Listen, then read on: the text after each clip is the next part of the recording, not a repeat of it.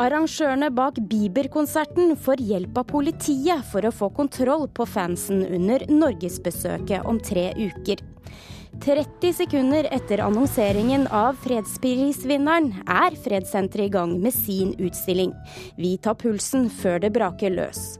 Og fulle folk egner seg på teatret, mener vår anmelder etter norgespremieren på Det Norske Teatret i går. I dagens Kulturnytt blir det også fredagspanel med tema som kulturbudsjett, nobelpris og nytt regjeringskvartal. Mitt navn er Stine Traalt. Med Justin Biebers tidligere norgesbesøk friskt i minne, jobber arrangøren nå tett med politiet for å få kontroll på fansen. Tidligere denne uka kunne NRK melde at Justin Bieber kommer til Norge, og den 29. oktober blir det konsert i forbindelse med popstjernens gjesteopptreden på Senkveld med Thomas og Harald. Det er ikke mulig for fansen å kjøpe billetter til TV-opptaket eller konserten, som holdes på Chateau Neuf i Oslo.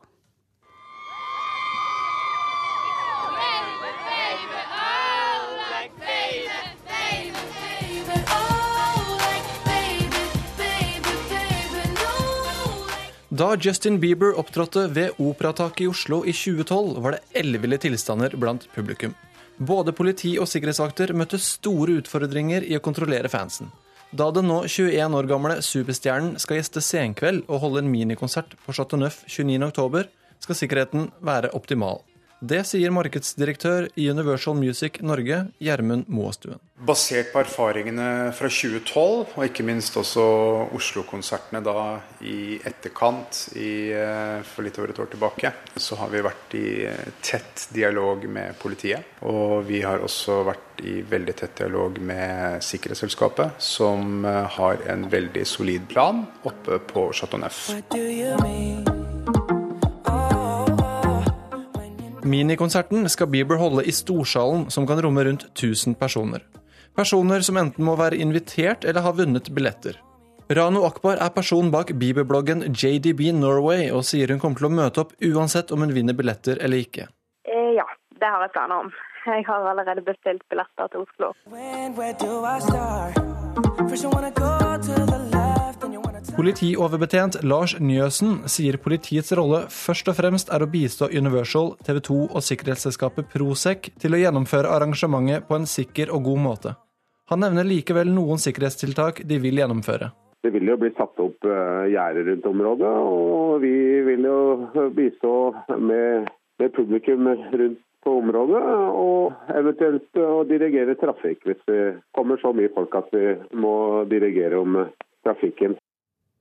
Og Universal advarer også mot falske billetter der ute, og ber folk holde seg unna. For vinner du ikke billetter, så har du ikke mulighet til å se Bieber. Reporter i saken var Magnus Lutnes Aas. Om knappe tre timer så blir det kjent hvem som får årets Nobel fredspris. Det betyr også at Nobels fredssenter gjør seg klare til å lage en utstilling i rekordfart om de personene eller den personen eller organisasjonene som tildeles prisen. Og for tiende og siste gang så er det direktør Bente Eriksen som står ansvarlig for utstillingen. Birger Kåsrud Jåsund, du er på fredssenteret, og hvordan ser det ut der nå? Her hvor jeg står, i Nobels hage som det heter, dere husker her, denne, dette rommet med alle disse små skjermene som står rundt hvor alle eh, Nobels eh, fredsprisvinnere er presentert, og de små eh, blå, denne skogen av blå lys som, eh, som, er her nede, eh, den er sånn som den er. Men om ikke så veldig mange timene så skal eh, hele den hovedutstillingen endres. Og det er altså klokken 11, det det er annonsering. Og når begynner dere med arbeidet å endre dette, Bent Eriksen? Ja, ca. to over elleve. For da vet vi jo hvem fredsprisvinneren er. Så da begynner vi på mange plan. Altså For det første så skal vi jo da endre denne hagen, slik at litt over to så er ny vinner på plass her med tekst og bilde. I natt så har vi ny vinner på plass i det som heter Veggavisen. Mens utstillingsavdelingen starter jo på det som heter Fredsprisutstillingen. Nemlig den utstillingen som fredsprisvinneren selv skal åpne 11.12. Men betyr det at dere da tar ned bilder og tekst av Kailash og Malala, tar ned Nei. denne bloddrakten til Malala osv.? Nei, det er ikke før 11.12. Fordi altså, det tar faktisk litt tid å lage en utstilling. To måneder, hvis du spør et museumsmenneske, er fryktelig kort tid. Så den står inntil 11.12 og så åpner utstillingen om den nye fredsprisvinneren. For det, her skal vi jo ha inn en fotograf som skal ta bilder av vedkommende, en journalist som skal skrive, en scenograf som skal gjøre uh, designet av utstillingen. Er det noen fredsprisvinnere du liksom krysser fingrene for at eh, ikke blir, fordi det er så vanskelig rent utstillingsmessig? Nei, det er mange som spør om det. Og det, nei, selvfølgelig er det ikke det. Det er klart det er, det er morsommere å lage om enkeltpersoner som har gjort en betydelig innsats, men, men vi tar enhver oppgave å lage utstilling om fredsprisvinneren for det det er, nemlig å fremstille denne personen eller denne organisasjonen på en måte som gjør at folk forstår innsatsen til vedkommende. Men betyr det også at uh, du har noen preferanser? Rent personlig, og hvem du vil ha? Det kan du si, men det sier jeg ikke til deg. nå, nå, eh, skrev jo Lundestad i denne boken sin, eh, denne memoarboken sin at eh, også for oppmerksomhet i pressen verden rundt, så er det veldig lurt å ha én person, eller i hvert fall to personer som man kan identifisere seg med. Um, hvem er en slags sånn drømmeperson? Du trenger ikke si en, en spesifikk fredsprisvinner, men hva slags karakter er det? Nei, men det er klart at eh, Personer som Nelson Mandela og Aung San Suu Kyi, det er jo ikke så fryktelig mange av dem, da.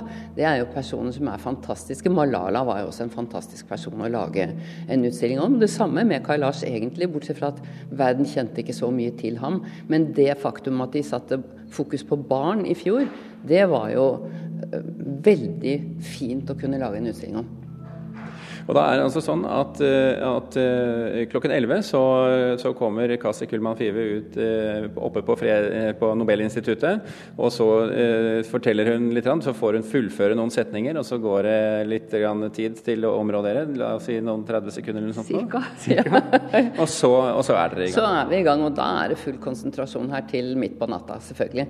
Og under forutsetning at alt går bra, både skrivemessig, det at vi får inn relevant informasjon, og ikke minst det tekniske. Dere så, begynner å få erfaring, så det går vel helt utmerket, tenker jeg. Eh, Bente Eriksen, eh, takk for at du kunne stille opp eh, hos oss, og, og lykke til med alt arbeidet som starter altså to minutter over elleve. Takk skal du ha.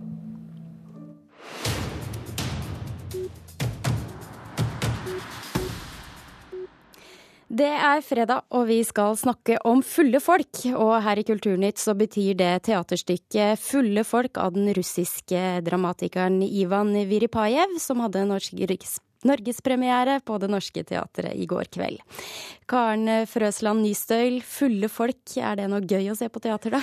Ja, det, det, kan være gøy. Jeg tror det er vanskelig å spille full troverdig, jeg egentlig. Eh, det tror jeg handler om å ikke overspille eller ikke gjøre for mye ut av det. Um, og det, det, gjør de egentlig. Altså dette, det går veldig fint på Det Norske Teatret. For i dette stykket så er nemlig alle karakterene stup fulle, og det er faktisk ganske interessant. Vi må høre litt uh, hvordan det kan være. Når barnet ser på en iskrem, så elsker han den. Klara. Og Det er også en form for kjærleik. Og når far din ser på et glass med øl, så er det også en form for kjærleik, Klara. Og når du lå med Carl, så er det også en form for kjærleik, Klara, fordi du ønsket lykke. Og det er forståelig. Og når du nå vil gå hjem fordi du er trøyt, så er det også fordi du ønsker å være lykkelig. Men lykka er ikke Det å spille fulle folk, eller spille full, er vel ikke så veldig lett. Klarer skuespillerne dette? Ja, det syns jeg at de gjør. Og det handler om at altså, de raver jo ikke rundt på scenen hele veien. Det starter med at, eh, at en av skuespillerne kommer inn, og så hører du bare at hun ramler i en dam, og så klarer hun ikke å komme seg opp igjen. Og det, det ler alle av, for det kjenner alle seg igjen i. Men det fins jo det et stort spekter mellom å være brisen og å være snydens. Og det som er interessant da med, med disse fulle folka som vi møter i dette teaterstykket, det er at de, de har ikke noe filter. De går rett på det som er det viktigste i livet, sånn som vi hører her. Eh, en mann som nettopp har fått vite at kona har vært utro mot han, og så prøver han å finne igjen seg sjøl, finne ei mening, finne hva kjærligheten egentlig er. Det, det er mye prat om kjærlighet, og, og, fulle folk blir fort faktisk veldig religiøse. Det er mye snakk om, om Gud og guddom og, og Gud i alt, og, og sånn i tillegg til til lengsler og frykt og alt som du er redd for. Det bare kommer liksom ufiltrert ut. Og da er vi veldig inne i, djupt inne i noe som er menneskelig. Og det er det fine med dette stykket, at det, det løfter fram noe ufiltrert. Ja, At folk blir eh, mer ærlige, rett og slett? Ja, ærlige. Og, og de fleste karakteriserer seg sjøl og livet som søppel. De ønsker eh, fellesskap og nærhet, men så sier de jo at det, det, her kan vi jo ikke snakke om hvis ikke vi har drukket. Og det er jo, det vet vi jo at sånn er det, men det er jo tankevekkende å se det og høre det på den måten i teatret. Hvordan ser det ut på teatret? Ja, Søppel er faktisk veldig viktig. Eh, scenegulvet er dekka. Denne scenematta som er sort og som ligger så stramt til vanlig, den er bølgete og rufsete, og det er små vannpytter rundt omkring. Så står det store søppelkonteinere og søppelposer, så vi er liksom midt på natta, og det er ei stor gatelykt der. Eh, men søppel er viktig både fordi karakterene beskriver seg sjøl og verden som søppel. De går så langt inn i seg sjøl. Men så er det òg en fantastisk scene der eh, noen av de kommer og åpner opp disse konteinerne, og inni så er det masse tomme plastikkposer. Så henter de fram noen store vifter, og så blåser de på disse posene så de fyker rundt som et sånt regnbuekunstverk. Masse fargerike plastposer som bare får fyge rundt, og de skaper noe vakkert av den søpla som karakterene mener stykket handler om. Og det syns jeg er veldig fint å hente fram det fine i det sårbare. Som, som, som, altså man er jo veldig sårbar når man er langt utpå og har drukket altfor mye. Sånn er det jo bare. Til slutt, eh, teaterkritiker Karen Frøsland Nystøyl, vil du anbefale dette stykket? Ja, det vil jeg. For jeg syns det var veldig fint å se, og det traff på, på mange ulike plan. Så absolutt. Takk skal du ha. Du hører på Kulturnytt, og klokken er nå kvart over åtte, og dette er hovedsakene denne morgenen. Stadig flere unge får hjerneslag, men sjelden god nok hjelp etterpå. Det viser en studie ved Bærum sykehus. Helsedirektoratet lanserer kampanjer for å få ungdom til å la være å røyke og snuse, men øker ikke avgiftene på disse produktene. Det kritiserer helseaktører som Kreftforeningen og Legeforeningen. I Libya er det enighet om å danne en ny samlingsregjering. Det skjer etter flere måneder med forhandlinger ledet av FM. I helgen har satirefilmen 'Han er tilbake' premiere på tyske kinoer. Han som er tilbake er Adolf Hitler, som etter 66 år plutselig våkner opp i dagens Berlin. Under hvilken navn skal jeg den Ihre E-Mail eintragen? Na, unter meinem natürlich, Adolf Hitler. Sorry, wenn ich jetzt nochmal nachfrage, aber äh, heißen Sie wirklich so? Det er ikke bare bare å våkne opp 66 år etter din død. I hvert fall ikke hvis navnet ditt er Adolf Hitler. Das war ein Scherz. Adolf Hitler er vekk. Was vekk? Jemand hat meinen Namen da. Forgjeves prøver den tidligere folkemorderen og diktatoren å opprette en e-post med sitt eget navn, men det er lettere sagt enn gjort.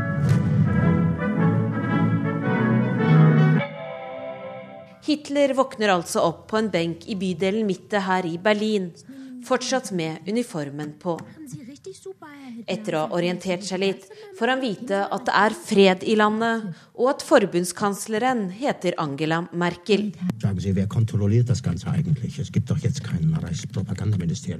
Så går det slag i slag med misforståelser og hysteriske øyeblikk. Dagens tyskere oppfatter ham i filmen som en komiker. Han blir et YouTube-fenomen for sitt eget TV-show og til og med tilbud om å være med i alle partiene i forbundsdagen. Det er altså ikke bare Hitler det gjøres narr av, men også av populistiske politikere som forsøker å lokke velgere ved å bruke enhver kjendis. Under innspillingen av filmen reiste hovedrolleinnehaver Oliver Masuki fire uker gjennom Tyskland forkledd som Hitler. Både han og regissør David Vnent fikk seg en stor overraskelse underveis. På slutten av arbeidet spurte vi oss hvordan kan det ha seg at flere reagerer positivt når de ser denne figuren, sier Vnent til TV-stasjonen ARD. Ja, folk glemte ganske raskt at det var to TV-kameraer til stede hele veien, sier Masuki. For hvor mye kan egentlig tyskerne gjøre narr av Hitler i dag? Boka filmen er bygd på, er solgt i to millioner eksemplarer bare her i Tyskland de siste tre årene. I tillegg er den utgitt i 41 land og oversatt til 32 språk. Ironi og humor er jo også en måte å ta oppgjør med fortida på. Guri Nordstrøm, Berlin.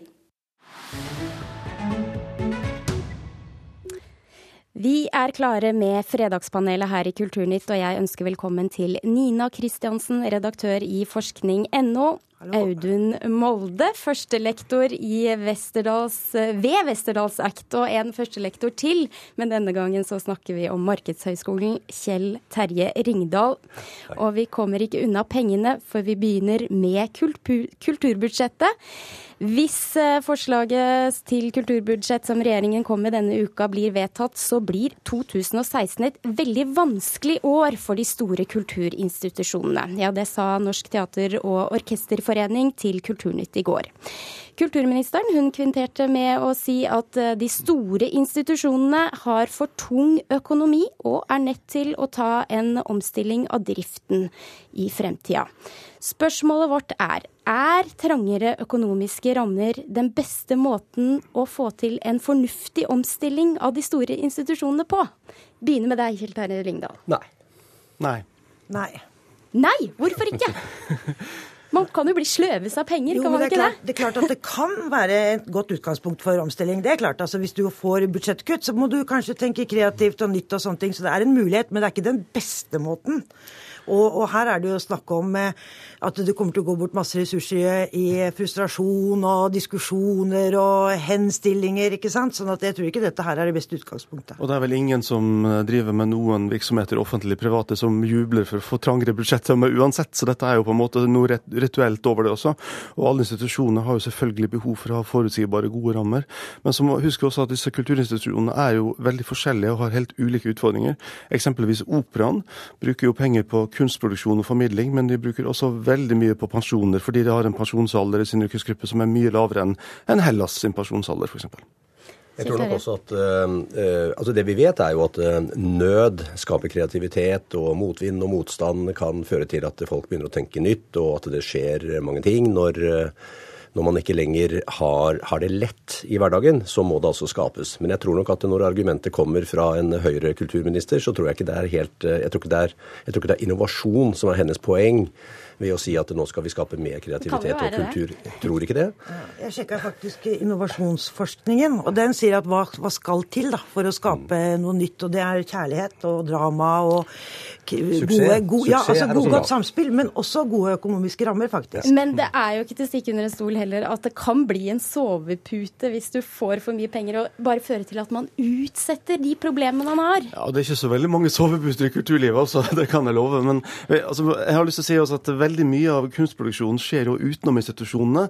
De aller, aller fleste som lager teater og musikk i Norge, er selvstendig næringsdrivende og frilansere. Uh, og uten at jeg mener å sette ting opp mot hverandre. Begge ting er viktig, men jeg hadde jo kanskje forventa at en høyreregjering forsto næringslivet godt, og også den delen som er kulturnæringslivet. Institusjonene trenger sitt, men vi må ikke glemme at uh, det foregår mye nyskaping også i det frie feltet blant alle frilanserne. Vi får se hva som skjer når eh, budsjettet blir vedtatt. Eh, vi går videre, vi. For denne uken så la Statsbygg frem eh, forslag til et nytt regjeringskvartal og hvordan det skal se ut i fremtida. Hovedtrekkene det er et kompakt, samlet kvartal med en stor park, og de lar Høyblokka være det høyeste bygget. Forslaget viser også at eh, man vil rive den omdiskuterte Y-blokka med kunst av Carl Nesjar og Picasso av sikkerhetsmessige hensyn. Men så vil de også bygge opp et nytt bygg på delvis samme tomt. Er det da greit? Bør de ikke bare la Høyblokka stå? Du mener Y-blokka? Y-blokka. Unnskyld. det var det. det er godt at noen har kontroll på meg. Y-blokka Y-blokka. Y-blokka kan rives hvis man vil. Høyblokka står. Men for å ta spørsmålet over det, Når man først Når man likevel det skal stå et bygg på denne tomta, kan man ikke la da Y-blokka stå? Jo, det kan man sikkert, men eh, nei. Jeg lander på la det stå. Ja. Nei, tenker jeg. Da begynner vi med dette ja. ja. ja. Nei, altså, jeg, jeg, jeg syns det er veldig interessant hvis jeg får lov til å ta ett skritt tilbake og se på hele prosessen med, med dette området. Det er akkurat som det har gått gjennom en kvern, eh, hvor de storslåtte, flotte, høyprofilerte ideene, litt vanvittige, litt store tankene, hvordan de blir dytta inn i en sånn slags sånn eh, politisk korrekt kjøttkvern, og ut så kommer det en slags eh, sånn beige Opel. Jeg tror nok at alt det som nå er tenkt, blir, blir, fint. Men det er akkurat som om det, har, det er et særpreg og noe, noe storslått eller en idéløshet ved det. Nå ser jeg fire-fem fantastiske, fine, firkanta blokker. Som sikkert kommer til å bli fint og velregulert, men ideen og gleden og det, og det store og gledelige ved arkitekturen eh, har blitt borte eh, i denne prosessen. Nå himler du med øynene dine, Ja, fordi Dette som ble lagt fram i går, er jo byplanlegging. Det er jo ikke hvordan bygga skal se ut. De kan jo bli kjempefine, de, men byplanleggingen er jo lagt ut. Men, og jeg, og det, jeg syns det var mange gode trekk. Blant annet er det sånn det, det skal være plass til folk og til syklister. Det skal være åpent, det skal bli en park. Kanskje vi kan endelig se Deichman igjen, som har vært liksom gjemt bort bak eh, andre bygninger.